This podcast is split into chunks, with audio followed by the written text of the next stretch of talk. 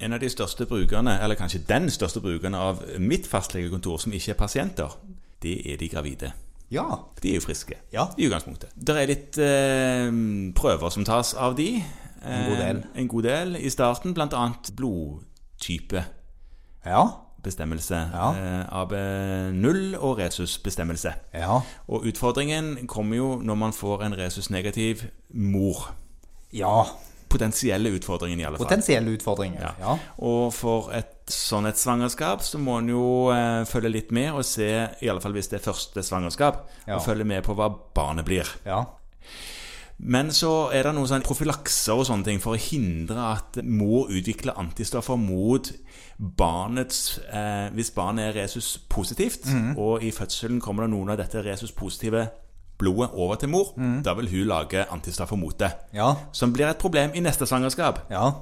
Men det kan òg man- bli et problem i det løpende svangerskapet hvis det skulle komme mye blod fra barnet over til mor, og hun lager mye antistoffer. Ja, Mm. eh, men eh, i første svangerskap så er det ikke så stort problem for barnet. Nei. Nei. Stemmer det. Men her er det noe eh, profylakse man kan gjøre. Eller vanligvis er dette fram til nå blitt gjort av sykehuset.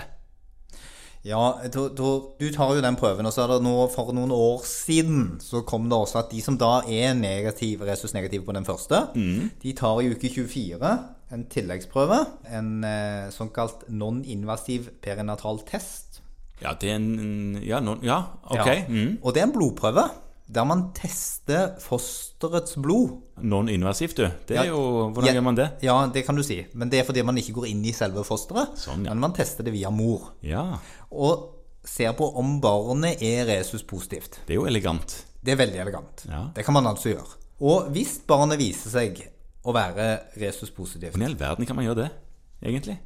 ja, Det er jo en sånn gentesting. Ja, Ok. Ja. Mm. Mm. Man tester på noen antistoffer. Jeg vet ikke helt hvordan man gjør det, egentlig. Men man kan. Ja. Ja. Hvis da barnet viser seg å være resuspositivt, ja. eh, så skal mor ha profylakse. Når tid, da? Ja, i uke 28. Ja, men det har jo ikke jeg i alle fall gjort noe med, så det må noen andre ha tatt seg av. Ja, og det er det som skjer at Hvis du får det positive prøvesvaret, så går dette litt av seg selv. egentlig, Uten at du tenker deg så mye om, så blir det barnet i dag kalt inn til, til kvinneklinikken. Ikke barnet, kanskje? Eh, jo, med en mor rundt. Med mor rundt, ja. Ja. Mm. Eh, og så blir det satt dette i uke 28, ja. og ved fødsel. Nettopp. Og det har da eh, sykehuset tatt seg av. Ja.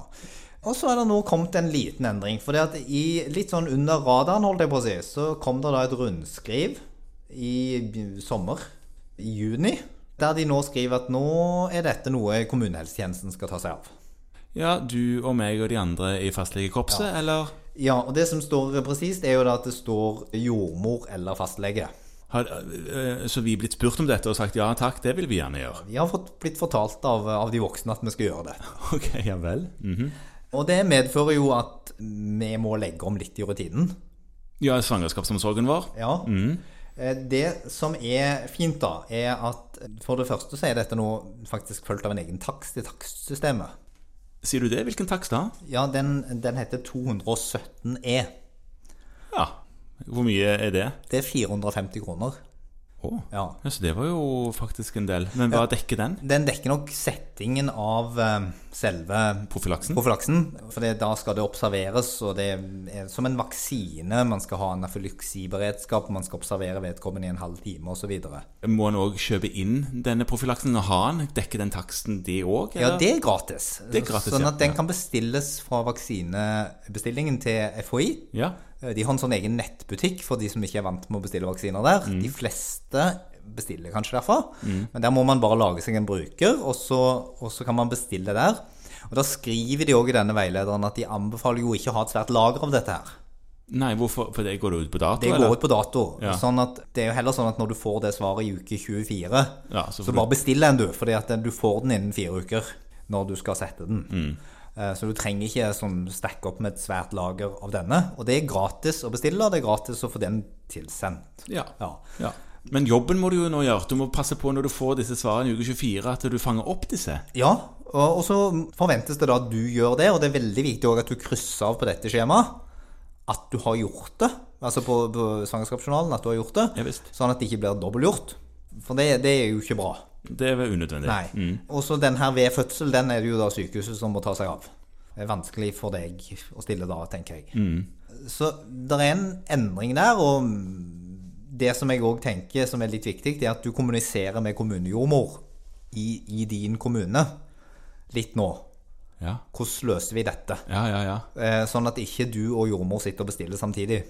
Så, så der bør man nok kanskje gå inn på en sånn her inter, altså kommunal enighet om hvem det er som har ansvar for dette. Ja. Og Det vil det sikkert være lokale forskjeller på.